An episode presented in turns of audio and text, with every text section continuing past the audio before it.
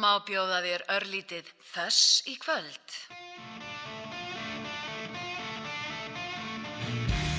Já, við byrjum hérna fössið í kvöld á sólstöfum á nýju plötunni. Þetta heiti Drísill.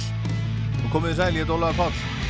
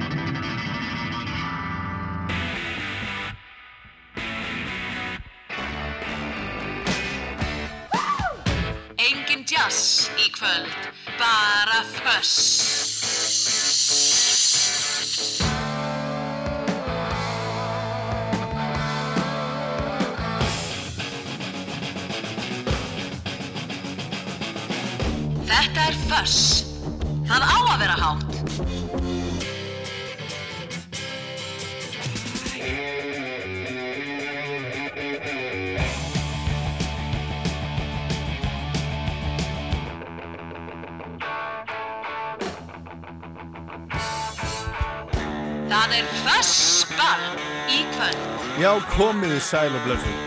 Klukkan er rétt rúmlega halv átta. Hún er annar vanta 20 og, og uh, 20 og hvað? Uh, er hún eitthvað reglaður? 24 myndir í 24 myndir í átta. Við ætlum að vera hérna til klukkan 10 kvöld og spila rock og ég fæ aðstóður ímsum áttum. Ég ætla að óska til dæmis eftir aðstóð frá ykkur eins og venjulega og opna fyrir óskalega síman klukkan 8 eða þar um bil 5687123 látið nú til að ykkur heyra. Farið að hugsa, hugsið ykkur þangað þanga til hvað þið vilji heyra og hvað þið vilji bjóða hlustandum föss upp á. Ekki hugsa bara um ykkur sjálf. Þetta snýst um þetta sætlar að gefa en þykja og það saman. Svo fáum við gerst í þáttir klukkan 9 eins og, eins og núna venjulega. Nú er aðeins að svona létta á þessu þessu COVID-vesinni þannig að gestir eru velkomnir í heimsókn í föss aftur og gestur minna þessu sinni ég þurfti nú ekki að leita langt yfir skamt það er Andra Jónsdóttir vinkun okkar hérna á Rástvö. Rock drottningin eina og sanna. Eina manneska sem ég veit um sem hefur fengið fálkáður fyrir að spila rock eða spila músík í útar hún kemur hérna á eftir með uppáhalds rockplötunum sína klukkan, klukkan nýju, ég ætla ekki að segja ykkur hvaða plata það er. Og svo er það ný plata, það var að koma út ný í dag með Foo Fighters, hún var plata þáttarins platta dagsins í Poplandi í dag. Við heyrum meira af, af, af henni og svo er það Vinur Þáttarins, hann sendir okkur pistil og, og lag að þessu sinni með Alman Brothers. Það er eftir bara eftir, eftir uh, svona smástund. Svo er ég með nýtt lag frá Vintage Caravan. Þeir eru að fara að gefa út blödu fáum nýtt lag frá þeim, það var enda að spila það búið að spilað eitthvað hérna á rásinni núna síðan í gær. Og það er nýtt lag frá íslenskri rockljómsveit sem heitir Chernobyl Jazz Club heyrum það. Og ég ætla að spila líka til dæmis nýja, nýja tónleika upptöku með, með Kaleo. Og ég er búin að týna hitt og þetta til. Sick of It All, Neil Young og Crazy Horse. Nýtt lag frá Michael Schenker heyrum vonandi í Kiss. King Gizzard and the Lizard Wizard frá Ástralju og ímislegt fleira. Og svo er það plata þáttarins, það er plata frá 1986 83 fyrirgefiði með hljómsveitinni Def Leppard. Þetta lag er nummið 2 á alliðinni heitir Photograph en platan heitir Pyromania. Segjum betur frá henni og eftir og við erum fleiri lög af henni hérna áður en að klukkan verið 10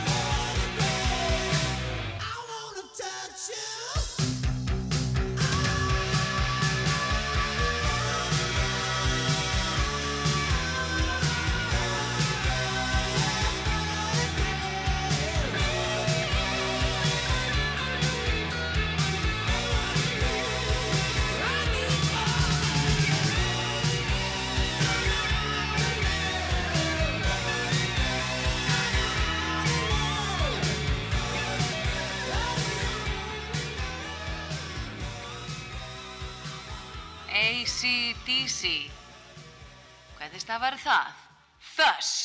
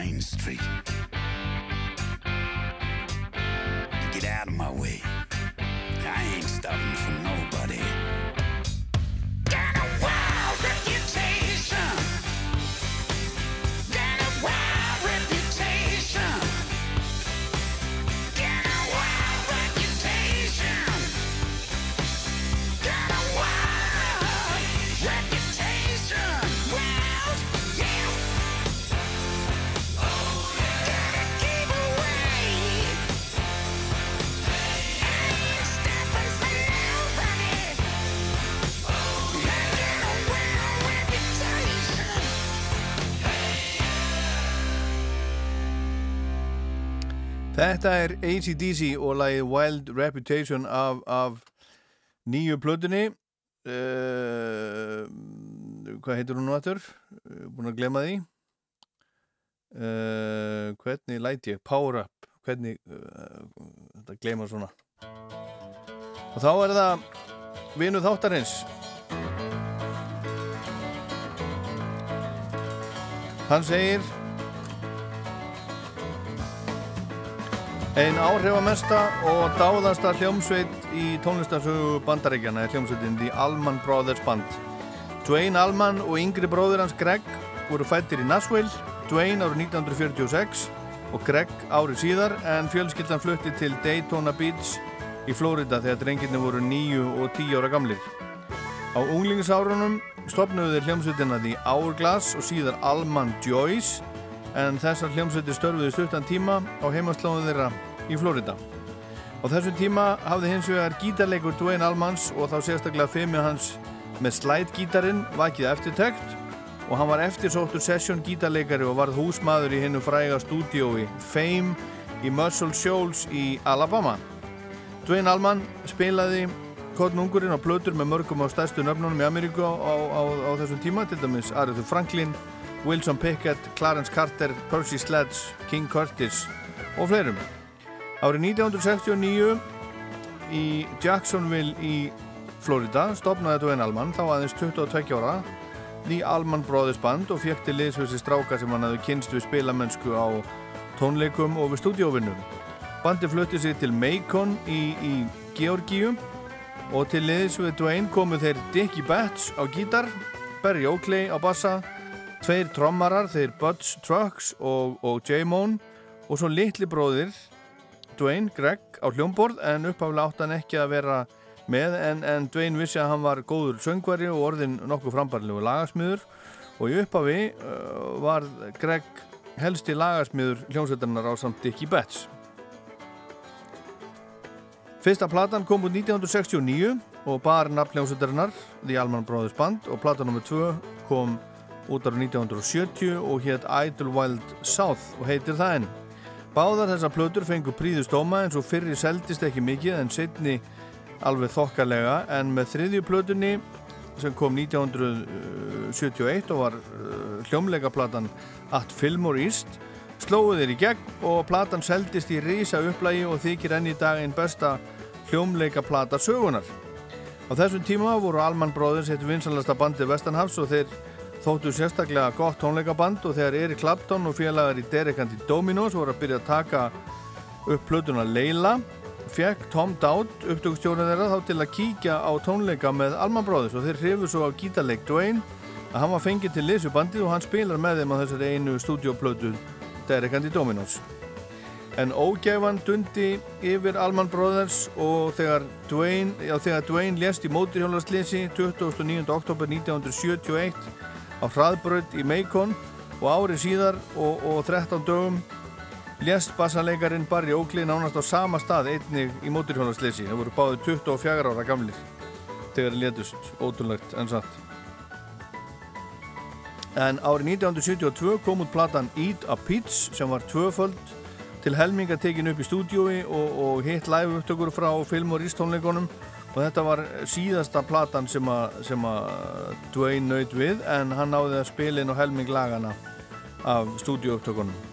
Árið 1973 kom svo út uh, þeirra mest selda plata og svo sem að flestir þekkja, Brothers and Sisters og þar eru lög eins og Ramblin' Man, þetta sem við heyrum hérna undir, Jessica og lagið Southbound sem að, sem að var spilað í síðasta förstætti. En á þessari plötu náði Barry Oakley bassarleikari að vera með í, í, í tveimur lögum. Og Allman Brothers hættu svo 1976 en voru, voru endurvaktið þreymar ára setna 1979 og störfuðu með hlýjum til ásins 2014 og það sem að vinnur þáttarins allar að bjóða okkur upp á með Allman Brothers það er lægin Blue Sky af plötunni Eat a Peach sem var eitt síðasta lægi sem Dwayne Allman spilaði með bandinu og í því skiptast þeir á gítarsólum þeir Dwayne og Dickie Betts. Frábær spilamennska, segir vinnur þáttarins og hlustum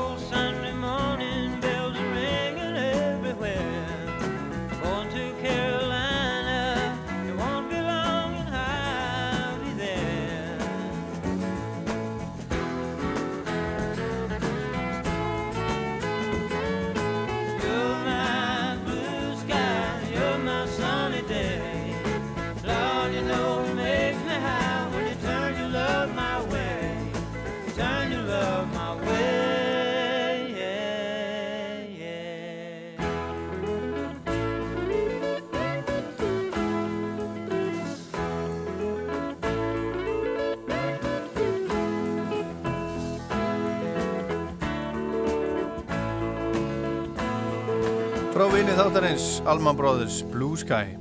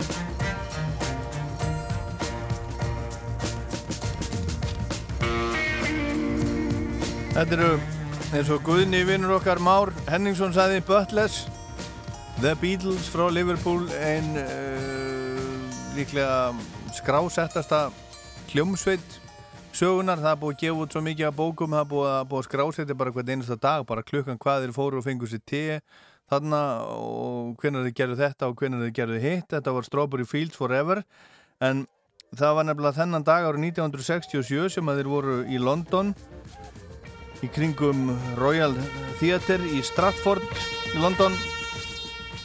Uh, lappandi upp og niður Angel Lane í London að taka upp fyrir fyrir það sem að var svo setna að kalla tónlistamindband myndbandið við, eða the promo clip fyrir lagið Penny Lane. En, en uh, þetta lag, þetta þessi litla kvikmynd Penny Lane og, uh, eða, og Strawberry Fields kynningar filman, myndbandið. Þetta eru, þetta eru svona, þetta eru eiginlega tvö fyrstu tónlistar myndböndin, það var, það var ekki algengt á þessum tíma að hljómsveitir að vera að taka upp svona tónlistar myndbönd en það eru þetta löngu orðið orðið algengt og, og var svona mest um það kannski þegar MTV kom til sögunar og svo var eins og þetta var að lognast út af en svo núna með, með tilkomu tilkomu eða bara með netinu þá er þetta náttúrulega allt saman bara á YouTube og, og þá menn sjá sér mikinn hagi því að búa til tónlistamindbönd að sjálfsögðu til, þess að- að kynna það sem að þeir eru að gera. En þetta var 1967, 39 ára setna þá voru Rolling Stones hinn hljómsveitin aðal, aðal keppinautarnir meðan, meðan þær voru báðarstarfandi þeir, þeir, þeir voru að spila á, á Super Bowl í Detroit í bandarækjánum úslita leik í, í, í bandaríska fótboltanum, rauðningnum og þá er alltaf svona eitthvað sjó í hálfleik halftime sjó og þeir voru sem sagt að spila þarna í þessu hál, hálfleiknum hálfleiksjói, voru með hálfleiksjóið þennan dag árið 2006 og Jagger og félagar voru ekki ánæðir eftir á vegna þess að þeir tókuð þarna til dæmis lagið Start Me Up og það var verið að fykta í hljóðinu þannig að það heyrðist ekkit í Jagger þegar hann segir í laginu You make a dead man come hann gerir það nefnilega í þessu lagi og það var svona uh, feitað niður í honum og svo var líka uh, verið að fykta í, í hljóðinu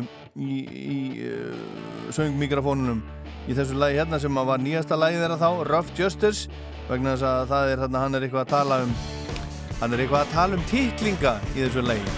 Rough Justice, Rolling Stones 2006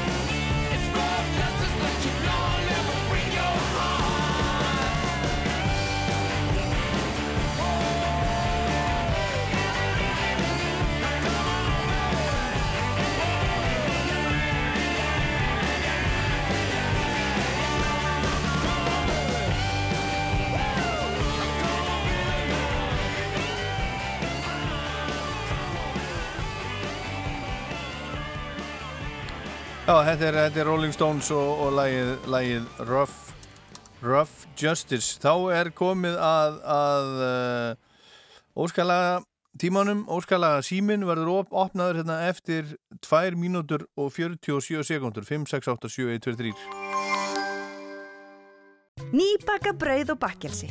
Ein af mörgum góðum ástæðum til að kíkja við í krambúðinni á hverjum degi. Krambúðin. Gott verð alla daga. Rafsuðu vír og rafsuðu vélar. Gastek, vagnuða nýju, sími 5877 Ekki missa af nýja Báhásblæðinu. Þar finnur 16 síðna sérblað um gólvefni fyrir öll rými. Báhás. Mikið úrval, gæði og lágt verð. Alltaf. Borðum fisk í februar, fiskbúar, fiskikongurinn. Nú er garðskálin okkar fullur af ómótstæðilega ferskum pottaplöntum og fallegum blómapottum. Garðheimar. Það er Go Crazy í Ylva. 25% afsláttur af öllum vörum. Ekki missa þessu. Ylva fyrir þitt heimili. Findu sjálfan þig í öðrum. Ég ber stein í þessu stríði Það breytir ekkert því að sól vermir heiði Verstu Úlfur. Miðasala á leikúsið.is. Þjóðleikúsið. Nú getur þið hitt þjónustur ágjafa Arjón banka á fjarfundi og fengi ráðgjöf og aðstóð þar sem þér hendar. Kynntu þér málið á arjónbanki.is. Arjón banki. Þægilegri bankaþjónusta fyrir framtíðina. Við elskum að spara. Allt í grunninn til að græja pítsuna heima. Allir dagar eru pítsadagar. Kránan.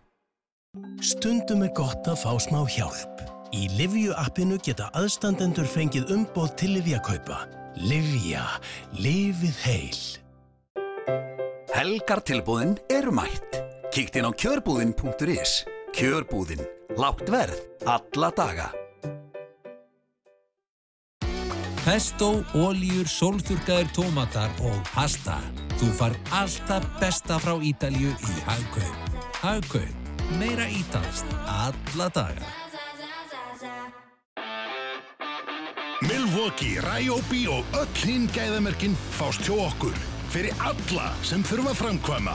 Verkværasalan, Reykjavík, Hafnafyrði og Akureyri. Sendum pakkan frýtt þegar þú veslar yfir 10.000 krónur. Ég fer í fríið, ég fer í fríið, ég fer í fríið. Ég fer í fríið, ég fer í fríið, ég fer í fríið. Víkurverk. Allt í ferðalagið. Við, ég og þú, erum þöss.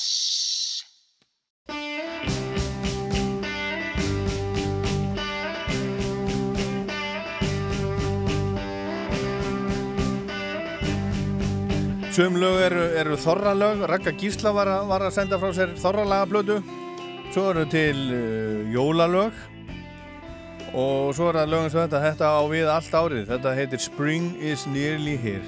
Gammalt Shadows lag, flutt hérna af tveimur Kanadamönnum gítarleikurum frá Íslandingabygðinni Winnipeg. Annar heitir Randy Bachman og einn heitir Neil Young Bara ef þið, vissu það ekki. Spring is nearly here heitir þetta. Og þetta, þegar þetta heyrist, þá, þá er komin óskalaga tími hérna í Föss símin 5687123 látið nú endilega alveg hreint endilega í ykkur heyra og sérstaklega þeir sem hafi aldrei aldrei prófað að ringi í útvarpið það er ekki hættulegt, alveg rástu Sælur blessaður. hver er þar? Jón heiti ég, ég hef prófað að hringja áður, það gengur vel. það hefur gengið vel, þú hefur fengið þú, ég hef orðið, orðið uh, við beðnið inni Jú, jú, Já. mjög vel, mjög vel. Herðu. Þú varst að tala, tala um að við ættum að, viltu að annar hringi eða, ha? eða, eða á ég bjóðu upp á uh, eitt lag í kvöld? já, endilega, endilega, hreint endilega alveg hvað er þetta ringja? Ég var að sögurklokki. já, já, já, já, já. Og maður er alltaf með svona smá listabæk þeirra, sko. já, Og ég held, ég valdi ná Nazaret síðast, Rassama Nas. já, En þótti þetta aldrei gaman að hérna vinna inn í tjöruhúsinu, kokkurinn. Já. Hann valdi Pennies After. já Og ég var, það var eitt lag hjá þeim sem ég var svona með í huga. Ég ætla nú ekki, það tekur svo langa tíma að spila, það er tíu myndur. Sko. En uh, það er Rory Gallagher, já, uh, Walk on Hot Coals, að plötu sem hétt Blueprint, kom út 1973. já Og walk hérna- on hot coals Gengið, já, ha. Walk on Hot Coals. Kannastu við það? Já, já, já, ég, já, já, Rory Gallagher, alveg, algjörlega, sko. Algjör snillingur. Sko. Við skulum, En við hérna- skulum fá hann. Já, en það eru margir sem hælaði fyrir hérna þáttinn, ég ger það nú þar að meðal. Já, þakka þið fyrir. En ég ætla nú að hælaði líka fyrir hérna músiktilraunni. Þú ert búin að vera kynnið þar síðan 96. Já, hvernig vissur þú það? hvernig vissur þú ártalið? maður nú ofur undir. En ég, þetta byrjaði nú kannski þannig að að maður hefur áhuga á músík þá er maður að hlusta. Já, Um, yngri sonu minn tók þátt uh, 2004. minnir já, mig. já, já, já, já. Hljómsveit hljómsveitin hans komst nú ekki í, í, í veljarnarsæti en hann var nú kosið samt efnilegasti bassaleikarin. Já, já, og er, er, er, hann, er hann ennþá að spila? Já, já, hann spilar, hann er svona mest fyrir sig, hann er í háskóla núna, þannig að Já, já.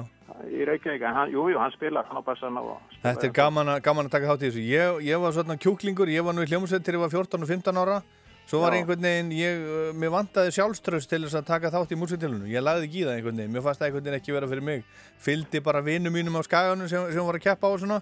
En mér fannst einhvern veginn þetta ekki, nei, ég er ekki nógu góður í þetta. En það er, það er náttúrulega mesta vittlisa. Það- það er bara mesta vitleysa, já.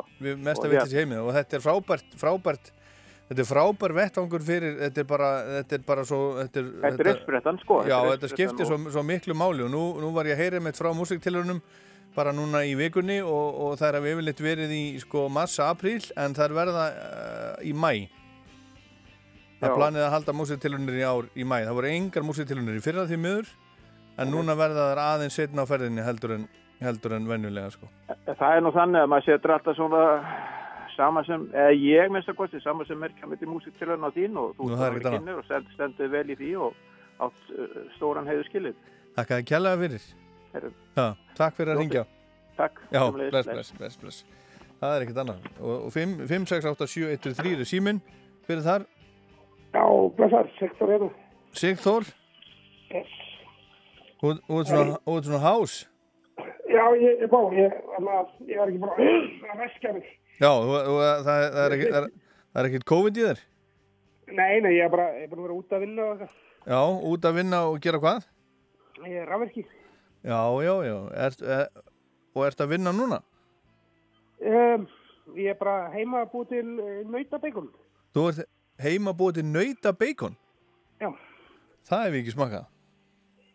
Nei, ég er að, þetta er smá vinna, það er alveg vika í þessu tilbúið. Já, ok. Nauta bacon, já. Já, já. Já. Herðu, en hvað ætlar að bjóða okkur upp á?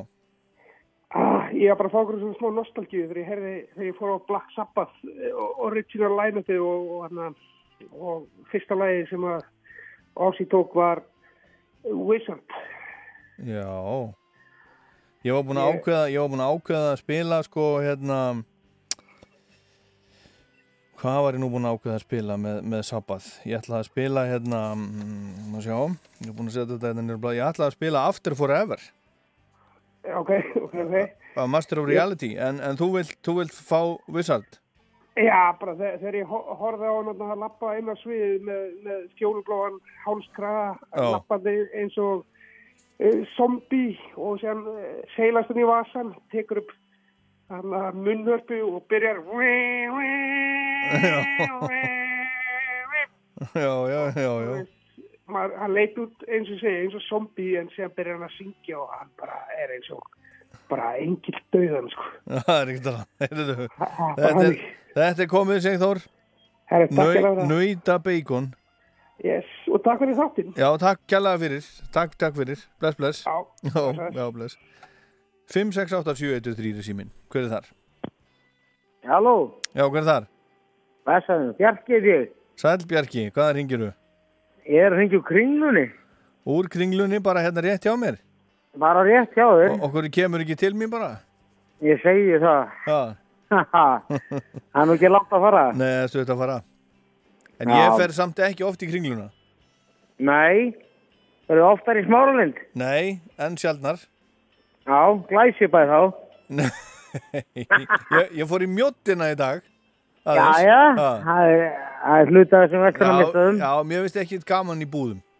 Nei, svona, ég er það samanlega. Ég fer svona, ég, mér finnst ágætt að fara ef ég veit hvað ég, ætla, hvað ég þarf að sækja, fara svona, það er svona in and out operation.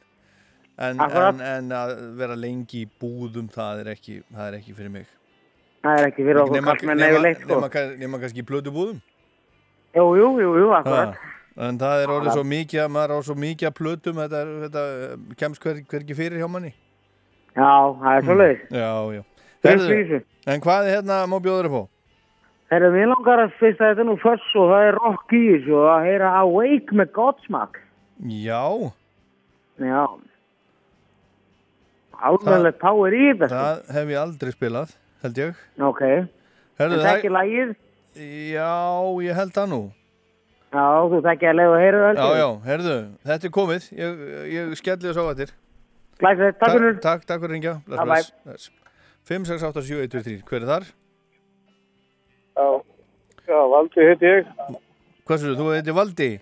Já, Og hvað er þetta að ringja Valdi? Heyrðu, ég er hérna á Lyngdalsveginni. Lingdals heiði. Já, Býtu, hvar er hún nú aftur? Ég er svo lélegur í landafræði, ég er alveg, skammar. hún er frá Þingvöllum og yfir að laugavatni. Já, já, auðvitað, ég viltist þarna einu sinni. Já, já, Ég var, ég var að fara, ég var að fara sko frá Akranesi á Laugavatn og ég viltist. Já, já, já. Ég fór sko kjósaskarðið Já. og, og hérna, og sko viltist einhvern veginn. Var marga klukkutíma að finna Laugavatn. Það þú var- er kannski endað upp í borgarfyrir bara. Það líkur við maður, það var myrkur. Já, það er myrkur, það er stundu þoka hérna líka. Já, það er erfitt að finna þetta. En það er líka, lang, líka langt síðan. Já, Herðu, já. en hvað er hérna allar að bjóða okkur upp á? Ég var að spája að bjóða okkur upp á bara Íkarus. Það það? Hljómsveitina í, Íkarus? Með sjónsvitina Íkarus, með, með Tolla og Megasi og Já, já, hvað, hvað, svo skal böl bæta? uh, já, það er mjög gott sko. Já, Ég held að við stjóttum á það bara. já, svo skal böl bæta að benda á eitthvað annað. Já, já. Herðu, ég hlýt að geta fundið það hérna. Já, já, já, við vonum það að það vera. Já, herðu, allt í góðu, þakka þér fyrir að ringja. Það býnu. Já, bless, bless. Já, blessaður. Fáum eitt hlustanda í viðbót, það er hérna allt, alltaf að vera vittlust hérna, sím, símkerfið er, er að hraunni komið. Hver er þar? Já, Hilmar er ég. Sæll Hilmar, takk fyrir að ringja, hvaðan ringir þú? Akkurýri. Já, Mjölum, já, já. hvað ætlað þú að bjóða okkur upp á? Um, það er spurning, er ekki killersáttið, eða sem sagt killersplattan væri að meita náttúrulega, ekki ammæli núna, Jú, býtum við, vikunni. hvað var hún 40 ára? Já, Já, 81. já, og viltu fá eitthvað af henni? Já, það er spurning, sko, Paul Diano hefur verið doldið duglega að gefa út svona hitt og þetta. Já, og 2019 er það með hérna Tales from the Beast, já, það sem að, það sem að þetta lag er til dæmis, hvaða lag? Killers, Já, af plötunni? af plutinni og hann er að gefa út alls konar til dæmis á sömu plutu Bad með Michael Jackson. Já, já, en getur hann uh, sungið eitthvað? Já, það er svona misjant. Já, Hann er til dæmis eins og 2014 var að meina plötu og það er bara eitthvað fyrirlegt í gangi þar. hjá Já, honum. já. En þetta er svona allt til lægi, sko. já. Já, Herðu, ég held nú, ég held mikið upp á þessar fyrstu tvær, tvær Iron Maiden plötur, sko. Já. Og ég hérna, var skulum, bara uppgötaði í vikuna hann væri að gera eitthvað svona meira, sko. síðustu myndir sem maður hefur séð á hann, þá er hann, þá er hann svona svolítið yfirþyngd og, og, og situr í hjólastól. Já, ok. Er hérna, en við skulum, við skulum tjekka á þessu. Já, Fá sem sagt Killers af, af þessari sólarplötu, Tales from the Beast. Já, já. Akkurat, herðu, hérna, það var að koma út ný plata með Foo Fighters. Já. Kom út í dag, þau voru að spila á henni í Popland í dag, plata, plata dagsins hjá þeim. Hérna, það eru þrjú lög sem að hafa verið spiluð svolítið mikið. Shame, Shame heitir eitt. Svo er það hérna Waiting on a War og Snow Son of Mine. En ég ætla að spila lag sem að e, titila blöðunar og þetta er nú ekki mjög svona, það er nú ekki mikið fuss í þessu en, en þetta, er, þetta er skemmtilegt. Medicine at Midnight með Foo Fighters. Takk fyrir að ringja og hlusta. Takk, takk. Það var gott, bless, bless. Já, takk svo veist, bless.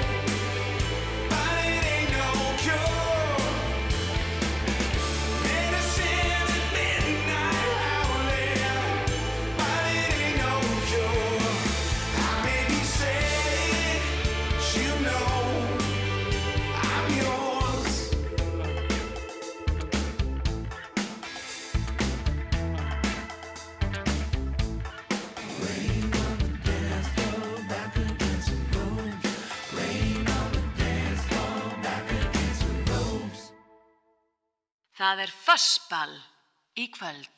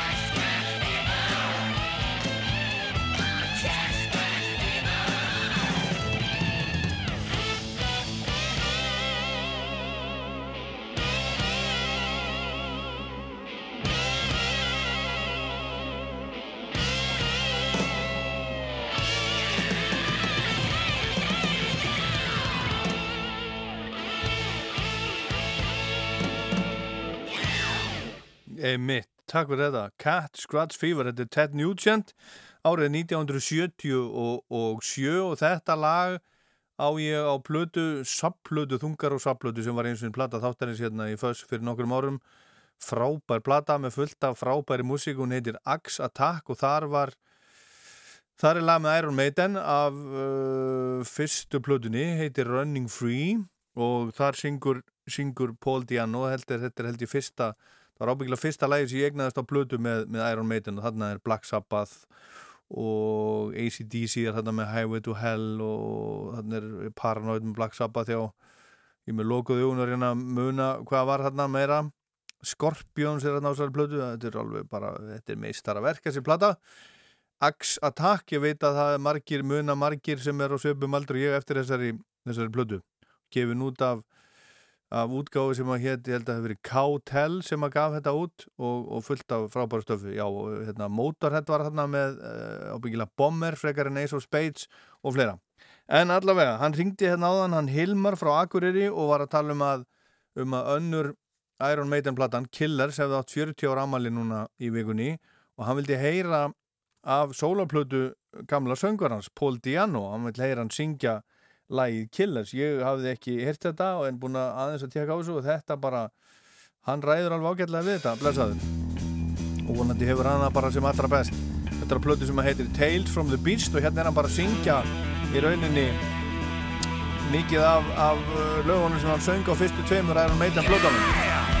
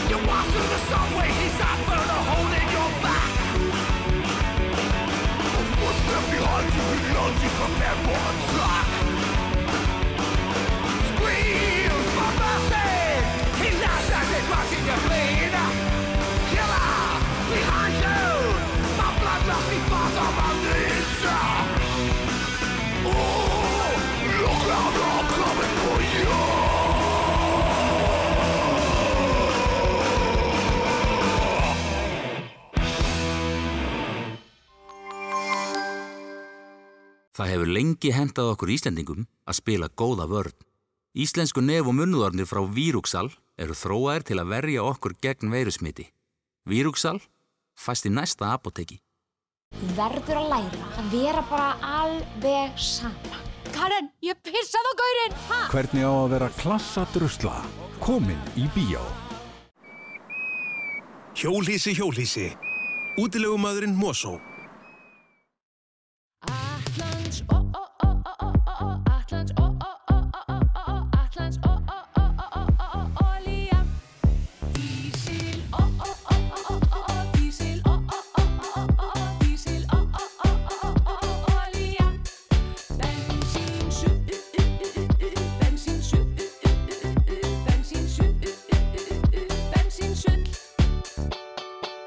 Atlandsolía. Óþólandi ódýrt. Hann er bræðgóður og svalandi og inniheldur 14 tegundir góðgerla. Cirka bát. Kefír. Nýr gamall drikkur frá mjölku. Í boltanum hér heima eða úti, í lauginni, á stórmótum, nú, eða bara í lottoappinu. Geta ótrúlegustu draumar ræst með þínum stuðningi. Lottó, leikurinn okkar. Síðustu dagar alvöru útsölunar. 20 til 50% afsláttur. Múrbúðin. Þess er best. Ískall.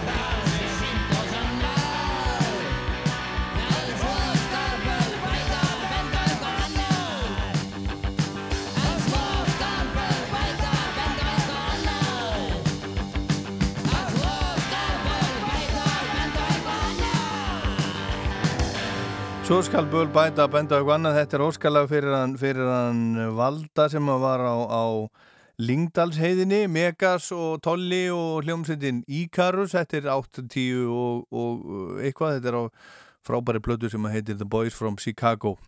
En ég á, ég á þrjú börn, tvö fullorðin og svo ég eitt strák sem er, sem er 11 ára sem að kallaðu Sturri.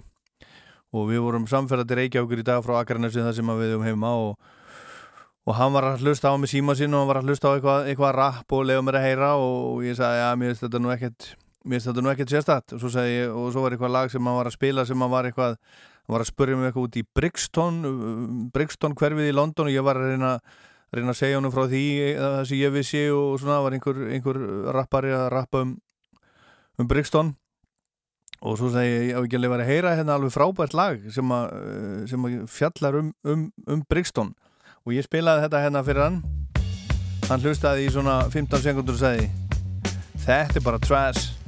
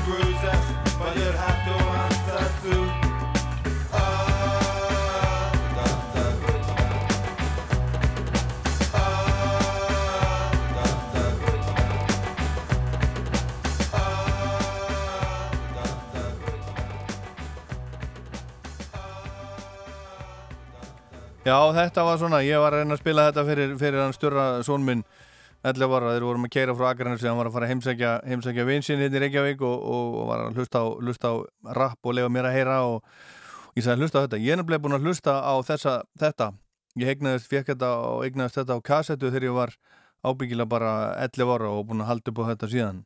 Guns of Brixton með hljómsettinni Klass. En Sónu minn, hann segir bara rocket trash.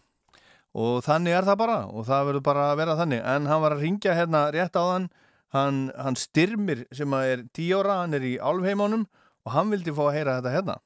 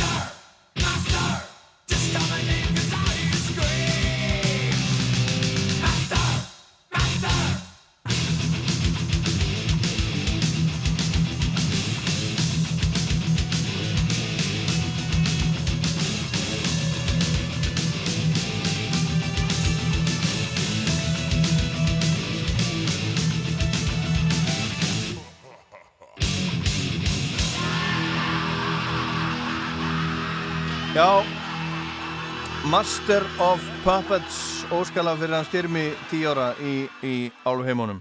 Og næst lag ég ætla að spila hérna áður en við höldum áfram í, í óskalögunum þá og svo minni á að Andrei Jóns kemur hérna gestu þáttarins með uppáhalds rockblutunum sína klukka nýju eða það er um bil. En, en um, það er hérna ný hljómsveit sem að heitir Chernobyl Jazz Club og þar eru Guðmundur Árni sem að spila á gítar og var í hljómsveitinni Blí Ingimundur Elli, Elli sem var bassarleikari í Bootlegs og, og Dos Pilas. Sigur Gíslason sem var gítarleikari í Dos Pilas, Bootlegs og Bleeding Volcano. Og Amalia sem að syngur var í Black Desert Sun. Og Reyðar Marnarsson spilar á trömmur var í hljómsveitinni Pornopop. Og ég fekk hérna smá upplýsingar með þessu, það er Chernobyl Jazz Club var stopnað veturinn 2019 að Guðmundi Átnarssoni gítarleikara og fekk hann til sig Ella bassarleikara ásand fleirum og eftir nokkra mannabreitingar kom loks mynd á bandi á vordögum 2020 Hreyðar á trommur og Sigurður á gítar voru mættir og það var byrjað að æfa á krafti og eftir að hafa farið í gegnum nokkra söngvara var haft samband við Amalíu, söngkonu sem Elli hafði séð syngja með bandinu Black Desert Sun á YouTube og hún var til í slægin. Og það fór ekki að milli mála á fyrstu æfingu að með svona þrjusu góða söngkonu væri þetta málið og það var byrjað að æfa með tilherandi COVID-pásum á haustugum 2020. Og það er mikið líðræði í Chernobyl Jazz Club og heyrast rock áhrifin sem komur öllum áttum en það eru allir meðlimir með rödd og þegar allar hugmyndir koma heim og saman verður úr rock blandan Chernobyl Jazz Club. Mikið á lögunum hafa verið samin en í janúar 2021, bara núni í janúar, var haldið í stúdíu hljómsín og þrjú lög tekin upp með aðstóð Einars Vilbergs upptöku snillings, segja þeir hérna þau í frétta tilkynningu. Jazzklúburinn er fyrsta lag Chernobyl Jazz Club sem kemur fyrir eiru almennings og er vantalegt inn á allar helstu streymisveitur innan skams. Lægið er eitt af fyrstu lögum uh, Chernobyl Jazz Club og með því var tótnin settur og hljómsveitin er skrifið all fyrir læginu og textanum. Chernobyl Jazz Club Jazzklúburinn gjör þið svo vel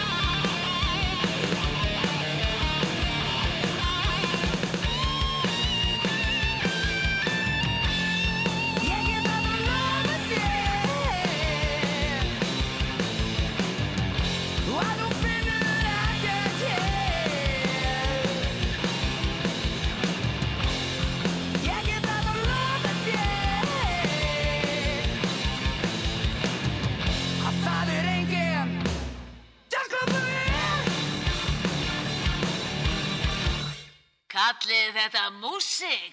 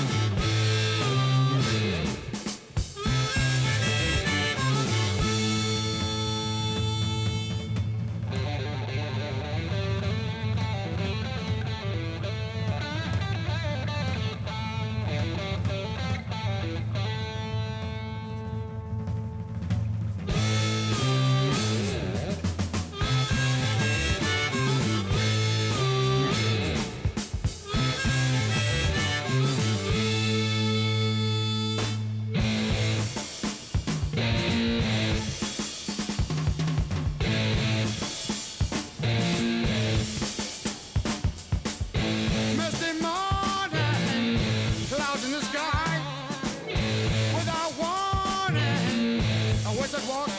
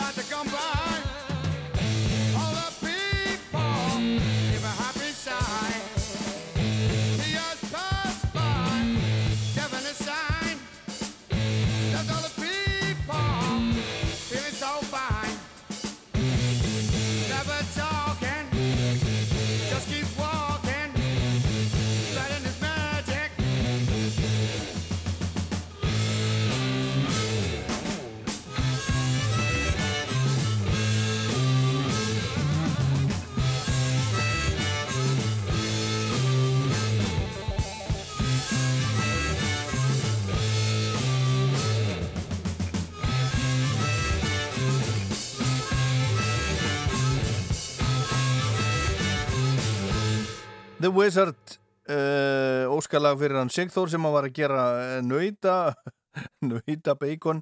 Ég veit ekki, ég var aldrei ég, bara einhvern veginn get ekki ímyndum það. Mér finnst það veginn, mér langar ekkit eh, svaka líðin, það er kannski bara mistök hjá mér, ég veit það bara ekki. Ég bara þekki það ekki, ég hef aldrei heyrt talað um þetta, nauta, nauta bacon. En hún Andrea Jónsdóttir, hún er að fara að koma sér hérna, hérna fyrir með uppáhalds rockplötuna, en fyrst allir að spila nýtt lag með strákunum frábæru Þetta er frábær hljómsett. Ég elska þessa hljómsett. Vintage Caravan. Þið voru að senda frá sér nýtt lag núna sem ég ætla að spila fyrir ykkur. Þeir eru að fara að gefa út plötu, nýja plötu sem er tóku upp í hljóðrita í Hafnafyrði með útlenskum upptökustjóra. Hún heitir Monuments og kemur út 16. apríl og svo fara þeir örgulega að túra um leið og þeir geta og ég nú að tala við á um að koma kannski hérna í stúdíu 12 fljótlega. Það getur vel verið að það verði eitthvað, eitthvað úr því. En þetta lag hérna heitir Whispers og svo er það Andrea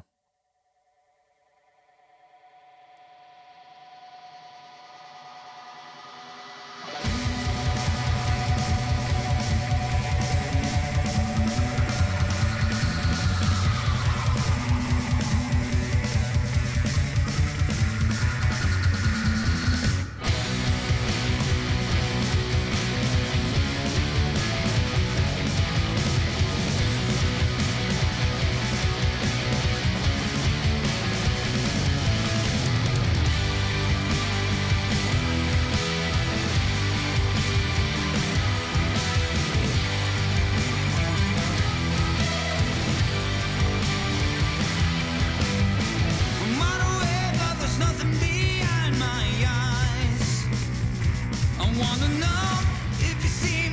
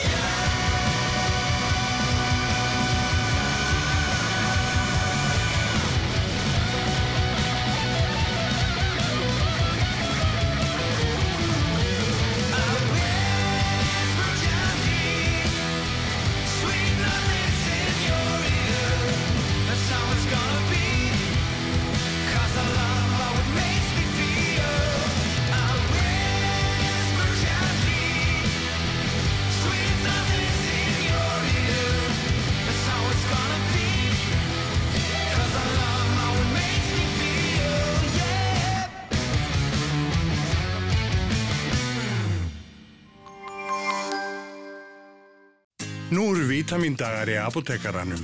15 til 30% afsláttur af öllum vítaminum. Apotekarin lægra verð. Nú getur þið hitt þjónustur ágjafa Arjón banka á fjarfundi og fengi ráðgjöf og aðstóð þar sem þér hendar. Kynntu þér málið á arjónbanki.is. Arjón banki. Þægilegri bankaþjónusta fyrir framtíðina. Rafmagnið hefur eignast Mercedes. EQC, 100% rafmagnaði sportjeppi frá Mercedes-Benz. EQC er kraftmikill, fjórhjóladrifin með alltaf 417 km dregni. Komdu og reynsluæktu. Við tökum vel á mótið þér. Mercedes-Benz Krókálsi. Stundum er ekki hægt að skreppa frá. Í Livju appinu getur við valið að fá lifin sendt heim hratt og öruglega. Livja. Lifið heil. Langflest heimili í landinu þurfa að greiða af lánum, leigu og öðrum skuldbindingum í hverju mánuði. Þegar einu tekjurnar eru atvinnuleysisbætur er það ógjörningur. Við þurfum aðrar leiðir til að brúa bylið, núna strax. Er nokkur ósamála því? Kynntu þér hugmyndir VAFR á vafr.is skástrygg stuðningur. Köftu Nokian gæðadekk og bókaðu dekkerskiptin á max1.is. Max 1 bílavaktin. Ég fer í fríið, ég fer í fríið, ég fer í fríið. Ég fer í fríið, ég fer í fríið, ég fer í fríið. Víkurverk. Allt í ferðalagið. Meiri músik, meira þöss. Já, þetta er þátturinn Föss og gestur þáttarins uh, er kominn og, og engin, engin smá gestur en samt hlustundur ása tvö á góðum, að góðu kunnur Andrea Jónsdóttir uh, búin að vera hérna heimalingur hérna á, á köttur. Já, þú ert búin að vera hérna á Rástvö síðan hvennar Sko, ég byrjaði hérna, hvað, byrjaði ekki rásin hvað 83 eða hvað? Já, ég byrjaði um vorið, en þá var ég bara svona hálsmánaðlega og, og, og svona, svo bara manni ég ekki alveg hvenar ég Nei, svo byrjaði bara svona í fastur einhvern vinnu. veginn. Allavega þegar Ég er búin að vera hérna af og til, Já. hérna síðan 84. Það er alveg ótrúlegt. Já. Já, já, vorið 84. Hún byrjaði 1. desember 83. Já, það byrjaði um vorið, já. Komst inn um vorið 84. Já. Ég man allavega, sko, þegar ég byrjaði að vinna hérna uh, í februar 1991. Já. Nú er ég búin að vera bráðum í 30, 30 ár. Þá varst þú hérna uh, á öll kvöld vikunar. Já, já, það var bara, Á, á, á, það var hérna. rock þáttur Andreu Jónsdóttur. Já. Stefán Jón, hann skýrði Já, þáttin. rock þáttur Andri Jónsdóttur og svo var það hérna, svo var það gullskífan mann ég, það var þáttur Já. sem varst með hérna líka Já.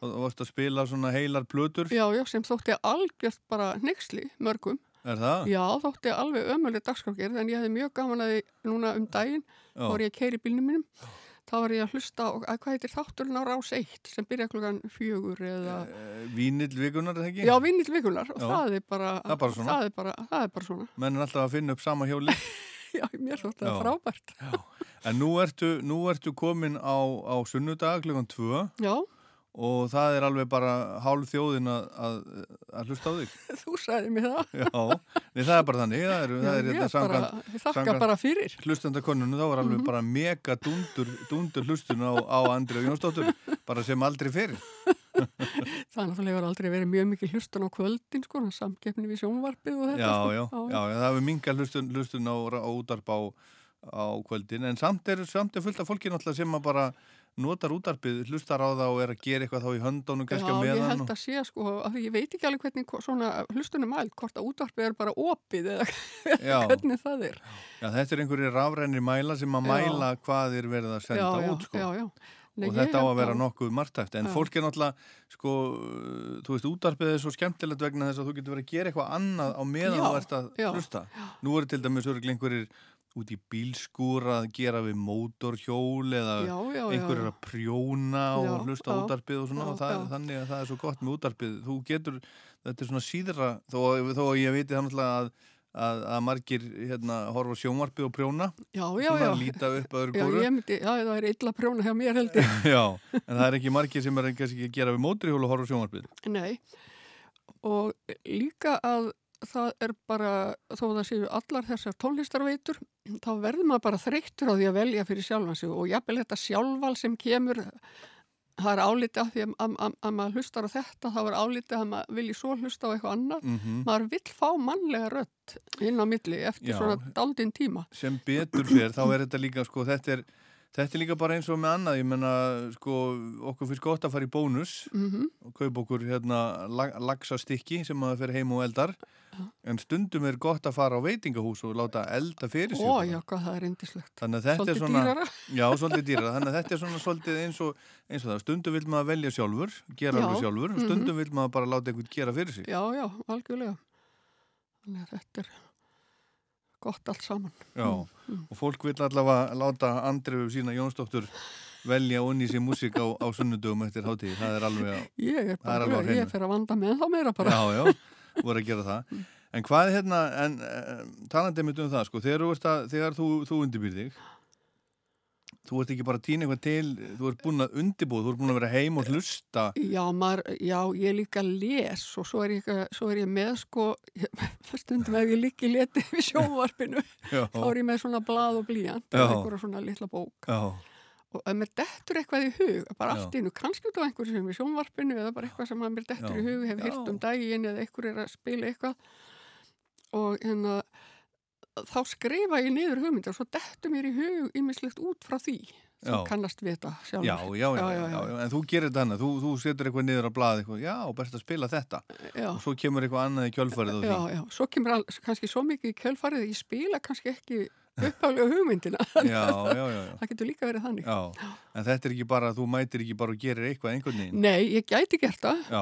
en ég, ég geri það ekki. Ég reyndur oft hugsa að það veri gaman að hafa svona keppni, Já, þar sem að fólki bara láti koma inn í stúdíó og já, ég, þetta er svo gömul hugmyndi, ég hugsa mér að það veri svona plötur í vagni já, og maður yrði bara búið til prógram úr plötunum í vagninu. já, já. En núna náttúrulega væri hægt að hafa bara það sem er í kerfinu eða eitthvað svo leis og, og hérna gá, hver mi- kæmi með skemmtilegasta þáttinn eða gáfulegasta þetta- eða eitthvað. Þetta finnst mér ekki galin hugmynd og, og hún er rauninni svipuð hugmynd, annar hugmynd sem ég sem fekk. Ég með nafna þáttinu allt, Já, sp- spilaði lag fyrir mig. Já, og þá er það eitthvað eins og til dæmis ef við, ég og þú myndum koma saman í svona þætti, Mhm. myndum við einmitt skiptast á að já, taka spila. Svona, hvort lagið. Já, nú spila ég eitthvað, Já, þá trompaði þetta. já, Já, þetta fannst mér nú ekki nóg Já. gott, ég hlustaði frekar á þetta. Já, akkurat. Já, Já, það er kannski eitthvað sem við, við hefum eftir að gera saman, saman í ellinni. já við getum gert Já. það. Við erum svolítið lengi að setja plötun á fóninu. Já, en þú ert, þú ert Andrið, þú ert svo, þú ert svo mikil stjarnar sko, þú veist, ég menna krakkar hafa leikið þig á, á, á, á öskudaginn. Og Ari Eldjón hefur gert grínað þér hvernig, hvernig finnst þér finnst þér það? Svo, svo bara, mér finnst það það bara mjög fyndið af því að sko þó ég sé orðin 71 að verða 72 Já. þá finnst mér bara inn í mér er ég bara svo sama þannig að maður fattar það ekkert fyrir þetta er já, heyrði, já, ég er alltaf búin að vera svolítið lengi í þessu Nei, mér finnst það bara mjög skemmtilegt Svo hefur verið, verið að gera um þið heimildamind Jú, jú, Það er allt í gangi það er allt í gangi Já. já, já. Já, en hérna já, ég er nú stundum, stundum bara líka mjög feim, feimin við þetta því að maður hugsa sér hvað ég hef nú ekki gert svo mikið en hérna. Já. En, já. Já, já, þú ert búin að gera, mar, búin að gera margt gott Þa, það er eitt lengi. sem að mér var sagt fyrir svona bara, já, nokkur mánu, það var reyndar áður en tilkom þessi heimildamyndið eitthvað.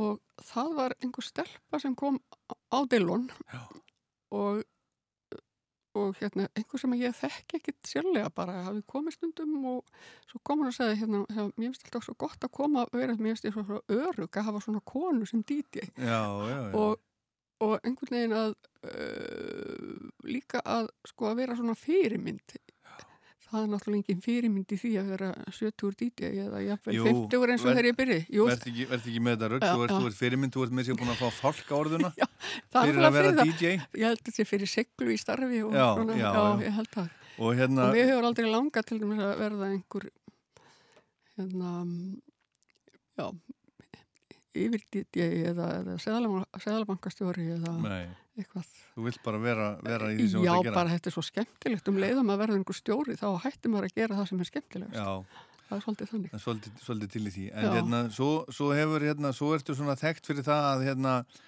það, það, það kom ekki alltaf lögin sem að þú ætlar að spila. Nei, nei, það gerir stundum sko. Þá, þá setur eitthvað í ganga og segir nei, þetta er nú ekki. Hérna, en, en hérna toppurinn og því sem að ég mann eftir þá varst einhvern tímann að spila einhvern disk og hérna og hann vildi ekki spilast Já.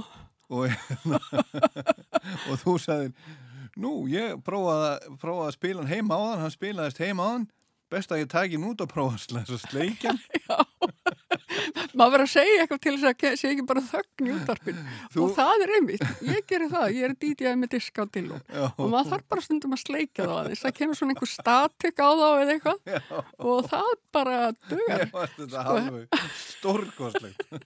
Eitthvað alltasta eins og sko, munnvatnið í kettinum það Já. náttúrulega hlýtur að vera rosalega fínt og í dýrum þannig að Já. það hlýtur að vera eitthvað í þessu hjá okkur. Já, já, Ha. já, já. það En því ég að maður man- er ekki með brjósikur upp í sér man ekki hvernig þetta, þetta svo fór en þetta er bara svona heimilislegt og skemmtilegt já, já, já. þetta er bara en líka þegar maður er eins og kannast við að maður er alveg í útvarpinu og ég hef til dæmis komið hérna einu sinni þá hrundi bara allt draslið bara hvarf allt úr tölvunni þegar ég var að byrja Já. bara í Uss. fréttonum, þá bara hverfur ég hef allt aldrei lendið því sem. Já, Úff. ég reyndar bara hef eins og lendið þessu en fram að því að því ég trú aldrei alveg á tekni ég hef alltaf verið með geisladiska í töskunni Já, já, já. þannig að ég gæti rifið upp geisladisk Já. og, og spilað Og og meiri sé að ég var með svona nýtt önkött blaðið eitthvað. Þannig að ég gæti var aðeins búin að lesa þannig að þetta var, að veist það er svona saptiskur þannig að ég gæti bara verið með Þú gat- þátt með alveg glænýri tónlist. Já, þetta er bara hérna já, uh, bara svona 101 björgun í útarpi Já, en, þurfti að tala svolítið meðan ég var að leita á honum í, í töskunni Já, sko. herðu, þú komst með uppáhalds rockplötuna, það er nú, það er nú málið hérna Já. Við ætlum ekki að fara í það alveg strax Nei. vegna þess að nú er ég með sko brellu, brellu spurningu Já. Sko, við ætlum að spila tvö lög af plötunni sem hún komst með á Já, eftir já. en við ætlum að spila eitt annar lag líka Já. sem við ætlum að velja í, í sammenningu núna, komast að einhverju, einhverju Já. Sem að hefði kannski verið af einhverju blötu sem þú hefðir annars komið með? Já, eitthvað sem að lendi til dæmis í öðru sæti Já, svona, ég eitthvað búin að svona- vera með margar alveg að bygglast með það fram og tilbaka og málið er það náttúrulega að sko, ég vildi spila eitthvað sem er ekki alltaf verið að spila og þetta er náttúrulega þessi þáttur er búin að vera í svo mörg ár hjá þér. Já, já, að, að það náttúrulega, það er allir það er búið að taka ábyggilega Deep Purple in Rock þúsund sinnum og Led Zeppelin 3 Já, já, það er og, já. Led Zeppelin alveg 1, 3, 4 og, og, já, og þannig og, og hérna og Janis, ég lesti eins og af þá tók ég Cheap Thrills sem plötu eh, hvað, kvöldsins eða Þa- já, þáttarins, já, já, já. og þannig að hérna, svo var ég reyndar að pæla alveg í sko Nínu Hagen og Marian Faithfull og hérna eh, hérna, hérna, hérna Pretenders Já. Ég var að spekulur í þessu en svo hérna það er svo misjæmt hvað fólki finnst vera rock. Ég hugsa þeir sem er að hlusta þennan þátt og að mér finnist Broken English með, með Marian Faithfull vera rock, Já. þá er hann náttúrulega svona, svolítið svona, hún platan kom út 79, það er komið svona, uh, svona einhver hljómborð og, og eitthvað svona. Aha. Ég heldur reyndar að Steve Winwood spilu þau hjá henni, allavega miklu leiti. En hvað þá þannig ég ákvað, þá dætt mér allt í henni hug þarna teistplatan. Já. Þannig ég ákvað að taka hana því að hún er svona, hún er svona það sem við kölluðum rock í, í gamla daga. Já. Mm. Þannig að það er teist á eftir, en ekki alveg strax. Já, já, já, já ég Hvaða- finna þá eitthvað. Hvaða lag ég var að taka núna áður en við höldum áfram? Áður en við höldum áfram. Þá skulum við bara taka, mm, já, tökum samt eina Marian Faithfull. Hún er náttúrulega algjör rockari, búin að lifa þetta. Hún lifið af COVID og hún er náttúrulega bara högtir á, á staf og Já. búin með lungun en hún lifir af COVID sem er náttúrulega bara ótrúlegt. Sko. Ótrúlegt. og, og ég er vissum að það er allir tilbúinu bara með hérna, skal ég það segja minningagreinar um hana sko. það er ljótt að segja það en ég get ímynda mér það hún hefur Já. verið svo lengi bara einilega alveg bara fara fram að brunni Já, blessu konan já, já. en rosalegu töffari, hún er bara eitt mesti töffari sem hefur verið í þessum bransa Hittur hana þegar hún kom til já, Íslands? ég hitt hana Já. ég meiri segja fór með einari bárðar Já. einar bárðar baði um að koma með ég reyndar var ekki í bílnum með einari heldur það var, var ekki hann bara ditti djöfull, ég held að við höfum þetta varið saman í bíl Já. Og, en svo var ég svona ég beð með Marian meðan var verið eitthvað að græja herbergi þannig ég spjallaði eins við Já, en hún var rosalega þreytt þá. Já.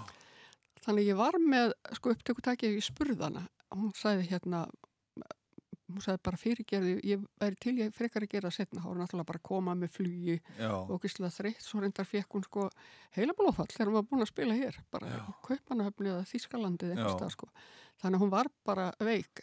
En hún var mjög bara já, svona bara næs og við bara spjöldluðum pínu en svo kom einhver og ég, þetta var nú ekki lengi, þetta verið svona kannski korter sem ég satt með henni í Já, já. andrinu og svo kom einhver og spurði einhver sem var örgulega einhver mm, með henni í, í, í, í einhver, á krúinu Já. og spurði hvort hann, hérna, hvort hann get, hvort hann vildi fá eitthvað með sér upp á herbergi og þá sagði hann Yes, I would like um, if somebody could go to a bookstore and buy some of the sagas. Já, er það? Já, Icelandic sagas. Já, merkilegt. Já, þannig einhver fór í búð og kefti fyrir Marian Faithfull já. íslendinga sögur. En svo manstu þegar við fórum að sá Rolling Stones í London 2004. Já. Satt hún ekki fyrir framann okkur? Hún og Jeff Beck. Heyrðu, jú, við minnum það, jú, jú. Sáttu bara í já, sæ, bara sætunum bara beint fyrir framann Já, okkur. já. Og þú varst að gefa þeim brennivín. Látt ekki svona óli. Íslensk brennivín. Þú varst með svona litlar í- íslenska brennivín og þú Já, varst að gefa þeim, þeim brennivín. Minni það.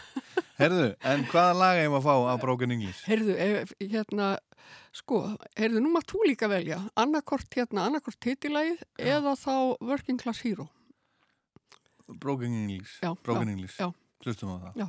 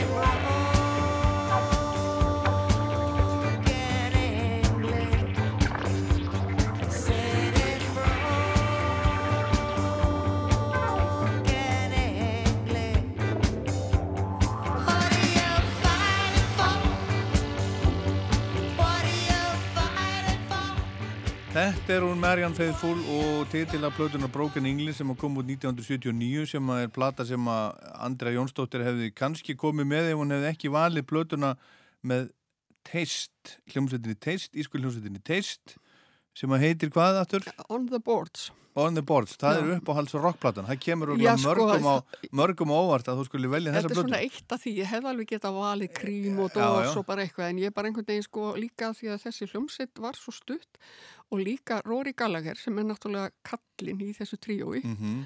eða Aðalmaðurinn. pilturinn, hann var náttúrulega ekki mjög gamall, hann var fættur 48 já, rúmlega 20 þarna og uh, svo og, hann uh, kom með bara tvær stúdíoplötur sem hann var á, svo reyndar uh, endur ég kom hljómsveitin aftur og hljómsveitin til enn en það er engin af einmitt. reyndar það er einhver gítarleikari sem kom inn í hljómsveitina 1990 eitthvað, Já, eitthvað eins og, eins og hamarnars afa, það búið Já, að skipta mörgur sinum svolítið. skaft og En- haus. Já, en- það er öruglega fínt að hlusta þá. En þetta eru sem sagt írskir drengir og en Rory Gallagher hóf svo soloferil og er náttúrulega mjög frægur og einna bara flottustu gítarleikurum og fræ, frægustu svona að sinni kynslu að minnstakosti. Já, algjörlega Já, já, frábær. já, já, mjög einstakur og lærði bara sjálfur, fekk banjó eða eitthvað svoleiðis fyrst Mhm. og hérna og hérna Gunni Gítarsmiður, hann er með, hann er með Rory Gallagher tattoo. Já, ég get bara trúa því. En sko, mér fannst bara teist svo frábær hljómsveit. Ég vissi ekkit um þessa hljómsveit. Ég kipti hana í hverfitónum Já, sem var þarna... Þess, þessa plötu Þessa með hérna. já, ég kipti þrjár plötur sem var bara alveg, hérna, já, rífur rækilega í mig. Já, Og það var... sama daginn? Já, allar í einu. Þetta var bara svona einhver rekki. Já, Hérna, ég man, ég bara sá eitthvað Dimi Hendrix hérna inni. Þetta var svona klassísk búð. Seldi, seldi bæði hljóðfæri. Það var þýsk kona sem að ræk þetta. Mhm. Svona skáhaldamóti þjólikúsinu. Já. Og... Uh, Í hvaða húsi nákvæmlega? Ég oft, að ég man það ekki alveg, Er þetta það sem, það sem að á nei, það sem að það sem að Ellefan var, er, er þetta nokkuð það hús? Nei, ég sem að þetta svipmyndir? neðar sko. Mér minnir þetta hafi verið svona steinhús, veistu ekki. Ég bara þarf að finna út úr. Einhver staðar þarna, Já, ská á já. móti Þjóðleikhúsinu. Já, fyrir neð, ská fyrir neðan, sko nær lækjargötunni, Aha. minni mig. Og eh, en hérna, þetta var eiginlega bara klassík, svo sé ég bara eitthvað þenn inn, þess vegna fer ég inn Já, og, og fer í, í, í hérna og sé að það er eitthvað pop, það var bara eitthvað eitt kassi, annars var þetta bara Bach og Beethoven og Schubert og. Stravinsky og bara eitthvað þannig sko. Há klassísk veslun sko. Aha. en hún hafði umboð fyrir já, þannig að þá hefur hún fengið sko eins og hérna teister var eða Polydor dreifði mjög mikið af sko plötum Mhm. þó þar var gefnar út í England og svona. Og þannig að, og, til dæmis danska hljómsveitin Savits og svo Jimi Hendrix og, og Teist og Já. hugsaðir, þetta var bara rosalegur músík vesla að hlusta þetta Þú keiftir þessar þrjár plötur í Já, einu? já. Sagt, Savage Rose, Já. hva, hvaða plötu? Ég held að það var hérna líklega önnur platan var það In the Plane, ég man ekki alveg hvað Já. það heitir já. Og svo Jimi Hendrix, hvaða Já, plata? það, það var reyndar hérna einhvers konar ég held að hafi verið sm, hérna smash hit, getur það verið Já, samplata. Já, ég held það sko Ok. já, já, ég held það Og svo þessi plata með teist. Já, já Ég hérna, hef nú sagt frá því áður í þessu þætti, ég fór einu sinni, var einu sinni í Dublin og fór í rocksafni í Dublin sem ég mæli með að Já, þú, já. þú farir í. Já.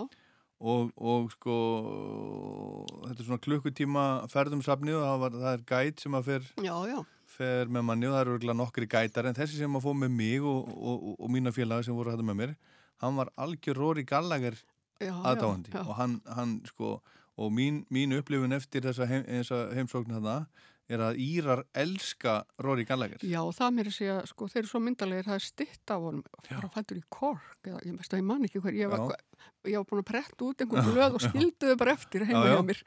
En, en að, að miskusti, þá er hérna mynd á, stitt af honum Já. í bænum Já. sem hann fættist í. Og hann er bara hérna rétt rúmlega tvítur þegar hann slæðir í gegn með hljómsveit já. og þetta, er- þetta er tríó. Já, og bara, eh, sko, orku tríó og manni dettur náttúrulega alltaf í hug krímið eitthvað sem þeir voru náttúrulega til þarna já. og ég held að þeir byrji alveg bara um 1965, þú veist, Já, já. að spila og hann var þá búin að vera í alls konar skólaljómsveitum og guðum að vita hvað, sko og svo lærði hann að spila líka á saxofón og hann fyrir munnhörpuleikari og svona, já.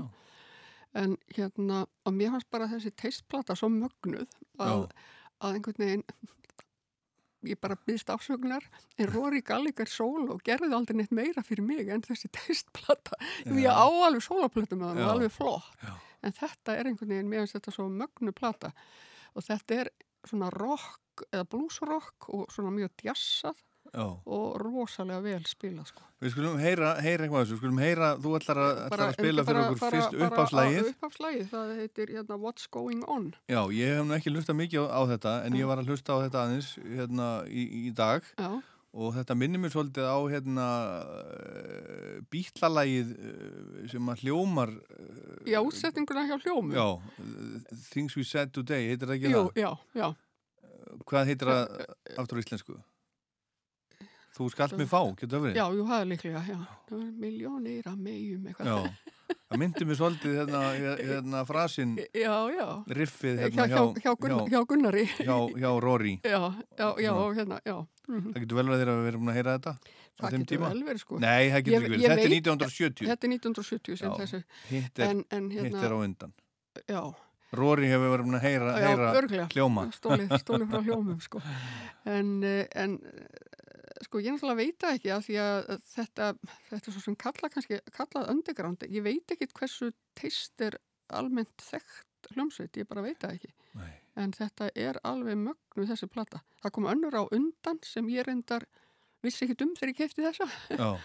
og hérna já, svo bara var hann hættur eiginlega, já, hann hætti bara annarkvort þarna sent 1970 eða snemma 71 sko Og spilaði með úr á Isle of Wight já, eitthvað svona, já og alveg snillingur náttúrulega sem slæt gítarleikari og allt svona, og er mjög mikill svona tilrauna maður Hlustum á þetta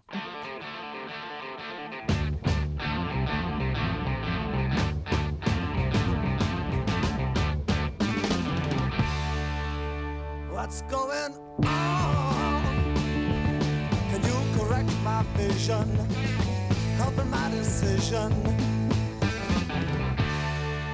What's going on? You know what I'm needing. You won't find me kneeling.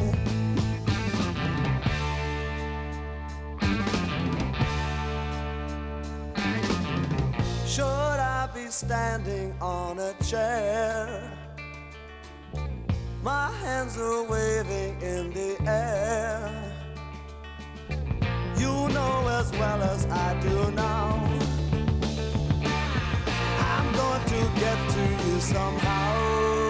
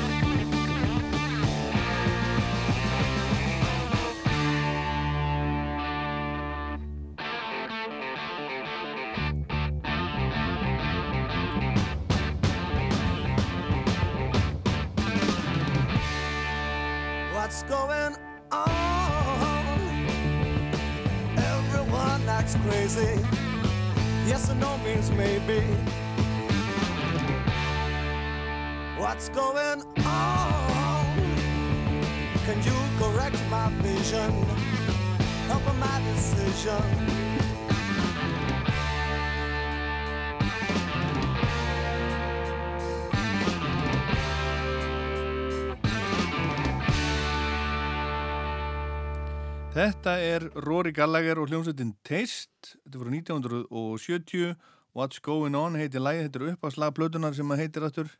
Uh, On the Boards. On the Boards, Andra Jónsdóttir gestur hérna í þætti á Rástöðu í, í, í kvöld.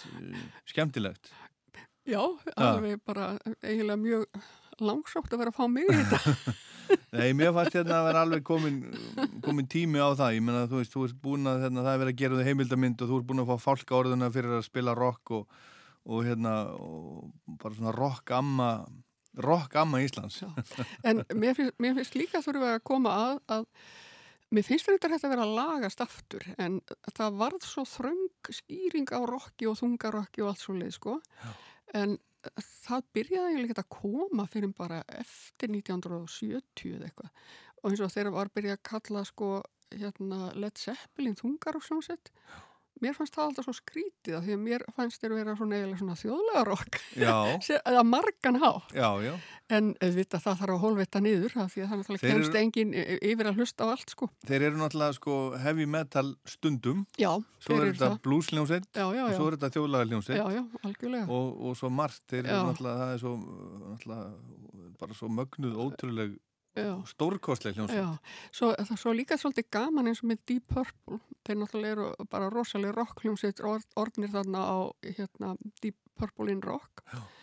en á undan sko eins og fyrstu plötunar það það sem þeir eru að taka svona þung, svo þungar svona uh, endur, uh, já, bara taka lög frá Donovan og eitthvað, Já, já, eitthvað svona. Og Beatlunum, eða og? Beatlunum, jú, jú, jú, algjörlega. Þannig að það er svolítið gaman að sjá einhvern veginn svona hvernig þetta mm Mhm. þróast sko, Já, já. breytist aðeins rockið og verður meira rock og meira rock Já, já og eins og, eins og hérna ég held að nútíma fólki finnist Elvis Presley ekki mikið rock en það er svona samt rock síns tíma var mikið, mikið rock á, á sínu tíma Já, já. Miða við það sem maður var á undan Já, já. Þannig að það, já. þarf, alltaf að miða við það sem kom á undan sko. Já, já, það- Svo er já. þetta allt eins úpa Ég menna, Já. Þú veist og sérstaklega núna held ég með, með tilkomi Spotify og svona þá er fólk bara hlustar á allt Já. allt mögulegt. Ég, uh, ég hlusta á allt mögulegt. Og, og þú líka. Akkurat, já, já, Og flestir- flestir sem að maður gott þekkir. aðgengi. Já. það var verið að hérna já, verið að hækka. Ég reyndar veit ekki hversu mikið áskriftin hækkaði. Hún hækkaði bara pínlítið. Já, það ekki en, Við sjáum ekki eftir því. Nei, nei, ég segi það en, en bara það var einhver að segja í útarpinu, hérna í sítiðis útarpinu að, að, að það var lí að, að, höfundar fengu lítið greitt hjá Spotify Já, ég held að þetta sé þannig sko ef þú átt hérna ef, ef þú, sem sagt, þú semur lægið og Já. þú tekur það upp og þú gefur það út sjálfur Já. sko, nú segi ég þetta algjörlega án ábyrðar en ég hef heyrt þetta Já. að þú fáir þá held ég krónu fyrir hverja spilun Já. Ef þú átt allan réttin einn Já, já, já, en náttúrulega ef, ef þú ert með útgáfu sem sér um allt þannig að sko þúsund já. spilanir Já. gefa þér þúsund krónur Já. sem er ekki mjög mikið Nei, nei. en þegar þú er komið með miljón spilanir Já. þá ertu Já, komið já, já. kannski miljón krónur Já, já. ég, ég, er, ég þú er ekki Nei, alveg að hengja mig að fara þetta En ég var frekar hissa því það hefur alltaf verið tala um þetta Ég Já, já. en svo er þetta líka sko, Mm. sko, sko ég hef líka sagt stundum að kannski er þetta sangjarnasta formið Mhm. á, á greiðslu að því Já. að þú ert að borga fyrir já. raunverulega nótkun Já, já. að því að hvað eigum við margar plötur sem við spilum aldrei Já, borgum samt fyrir það fullu verði við Mhm. kaupum þær Já, minnst þetta verið rosalega kapitalist viðhorf. Fyrstu það? Já. en þetta er samt, þú veist, það er verið að tala um að, þú veist, Já, það já. er verið að, á að borga fyrir nótkun Já, já. og þannig er verið að borga akkurat fyrir mm Mhm. nótkun. Já, já. Ég meina, þú veist, en þegar þú kaupir plötu, sem er náttúrulega fínt líka á Já, stuðningu já, við tónlistamennin og já, allt já, það, já, já. en þú veist, það er mikið af músík, ég á margar plötur sem eru bara í plastinu sem ég hef aldrei hlustað á. Já, ég á nú ekki margar þannig held ég. Það ekki? Ég líka, þetta er yfir svo... Ég held að þú hafir eignast fleiri plötur í einu heldur Já. en ég til Já. að byrja með. Já. Þannig að maður hlustaði bara undir drep á allt sem maður kefti, sko. Þannig að hérna, þú náttúrulega hefur fengið svo mikið í gegnum starf. Auðvitað ég líka, Mhm. en ég á svo mörg ár á undan. Já, já, þú varst búin að vera, vera lengur en ég. En segðu mér, t- tölum hérna aðeins, förum úr þessu, þessu kapitalíska umhverfi, förum aðeins inn á Dillon, þar sem að þú ert búin að vera að spila, eh, hvað, í 20, Ég held að þetta sé 20. og annað árið. 20 og annað árið. Já. Og þú, og nú búið að vera lokað og þú býður eftir það opni. Heyrðu, það var nú bara hringt í mig bara áður en ég kom hingað þegar ég stóð hérna á tröppunum Já. Og þá var það frá Dillon og það má opna bara á mánudaginn og ég var bara vinsalega speðin um að koma á mánudaginn þannig að, mánudaginn? ég, þannig að ég verði á mánudaskvöldið á Dillon ég veit ekki hvernig ég byrja en það má vera upp til tíu Já, Já, þeir ætla að hafa þetta bara hátíð, það er bara vera að loka svo lengi. Já, já, já, já. Mm. Þannig að þú, þú ert að byrja bara á, á Á mánudaginn. mánudag- mánudag- Mánudaginn, já. Já, Algjörlega. En, en nefndu þér eitthvað svona, nei þannig að veit enginn hvenar má vera opið um helgar svona eins og var, sko. Nei, það, nei, þetta verður örgla bara til tíu, alltaf ekki, sé ekki loka tíu en gestir, síðasti gestur þarf að vera að fara inn 11, er þetta ekki svoleiðis eitthvað? Ég held að þetta sé þannig, jú, ég held að það hafi verið þannig, sko. Já. Þó ætla ég ætla ekki að taka að mér að, að hérna, stýra því. Nei, það er aðrið því. En, hva, en hvað sérðu fyrir þér að vera, nú, þú ert að vera 72 ára á þessu ári. Mhm. Hvað sérðu fyrir þér að vera, vera lengi á tilhóð? Bara svo lengi sem að ég vil vera það eða þau hafa mig. Já. bara ef maður er með góða heilsu og svona þá er þetta náttúrulega, þetta, þetta bara er heilsu bætandi. Heilsubætandi? Þetta er heilsubætandi. Já. Já. En, en finnst þér þetta, þetta uh, ekkert erfitt? Finnst þér þetta aldrei erfitt að sita þarna upp á þessari hillu og... Nei, það er alveg fínt. Ég er svo heppin að vera ekkert slæm í baki eða neitt hannig, sko. Já. Þannig að ég, þetta er bara gott. Þú vippar þér bara þarna upp á hilluna þína? Ég hef náttúrulega sérstaka aðferð. Ég, hérna, það var reyndar, það, það, var í fyrra, það var einhver stelpa, það var verið að gæsana og ég reyndar var nú ekki komin, þær voru þarna svona, held ég síðdeis Já. á, á laugadegi og hérna, hún ætlaði að að mynda sér þarna uppi Já. og hérna bara eitthvað svona kannski 25 ára, ég veit ekki hversu gömul hún er Já. eða var og hérna það þurfti að fara með hann á spítala hún snýri sig þetta er náttúrulega ekki hlægilegt Ah, en, en hérna já, það, það þarf vissa aðferði í Já. þetta útsjóna semi Já, já. Ah. Þú ert búin að, að master aðferðinu að Já, koma, þér upp, og niður. algjörlega, já, já, já. Herðu, þetta er aldeilis, hérna, gleðilegt. Já, Andrea. þetta er frábært. Herðu, þá er bara komið að, að, að setna læginu á, á plötunni með teist sem að þú valdir fyrir okkur, On the uppáhalds Box, rockplatan, allavega núna. ef- Já, ef já, ég- bara, já, þetta var upp á platan sem ég vildi koma með til því núna. Núna, Já. ef ég hefði ringt í þetta viku eða eftir tvo mánu þá er kannski já, komið já, eitthvað allt, kannski allt annað. allt annað, eins og ég segi, þetta er, þetta er náttúrulega spurning sem er ekki takt að svara eða breyðast við, það vita það allir. Já. En bara, bara gaman að koma með eitthvað sem ég spilaði þetta alveg bara í gegn, sko, á sínum sínum tíma. Já, og bara kann öll lögin og, og, hérna. Já. En þetta... Á munnhörpu. Nei, bara svona í, í heilanum. Ég get sungið með. Já.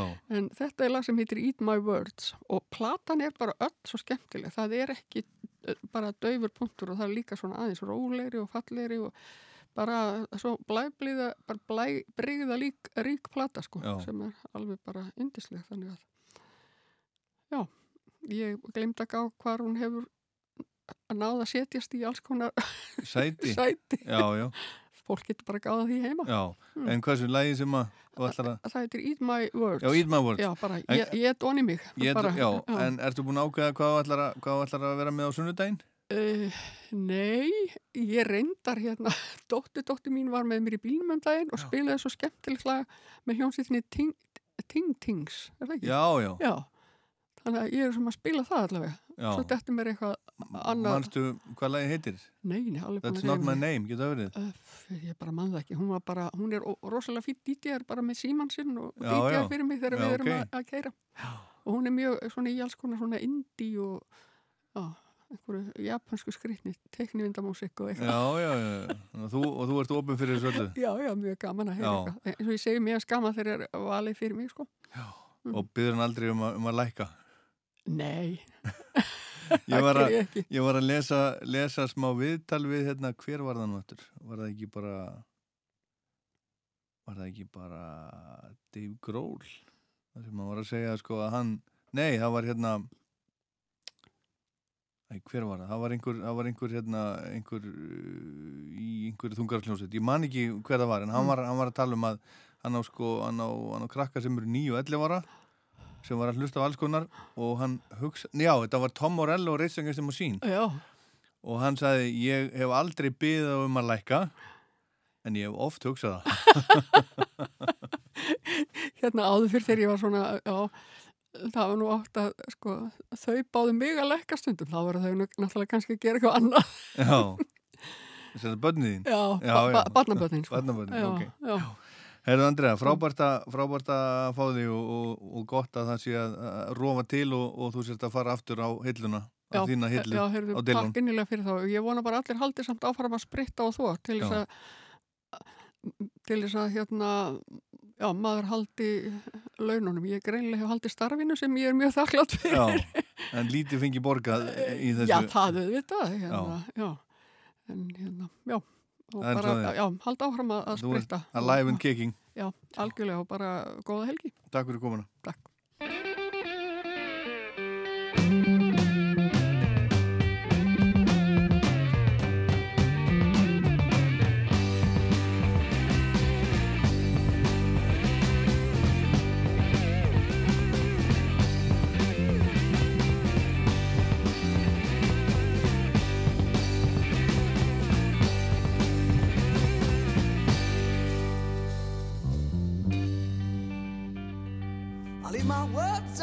I swear I will.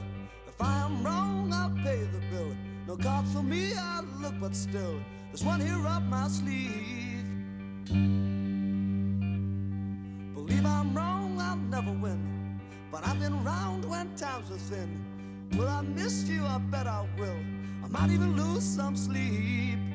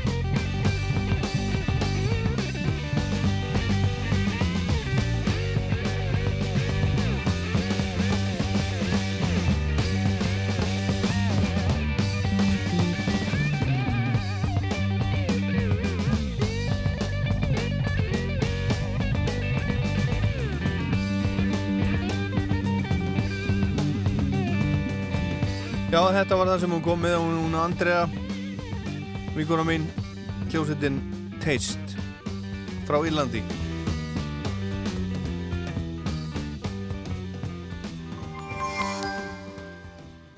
Ekki missa af nýja Bauhaus-blaðinu. Þar finnur 16 síðna sérblað um gólvefni fyrir öll rými. Bauhaus. Mikið úrval, gæði og lágt verð. Alltaf. Ert þú komin með neyðarkall í hendunar? Slísavarnafélagi Landsbjörg. Geimsluboks og kassar. 25-30% afsláttur. Alvöru útsala múrbúðarinnar er núna.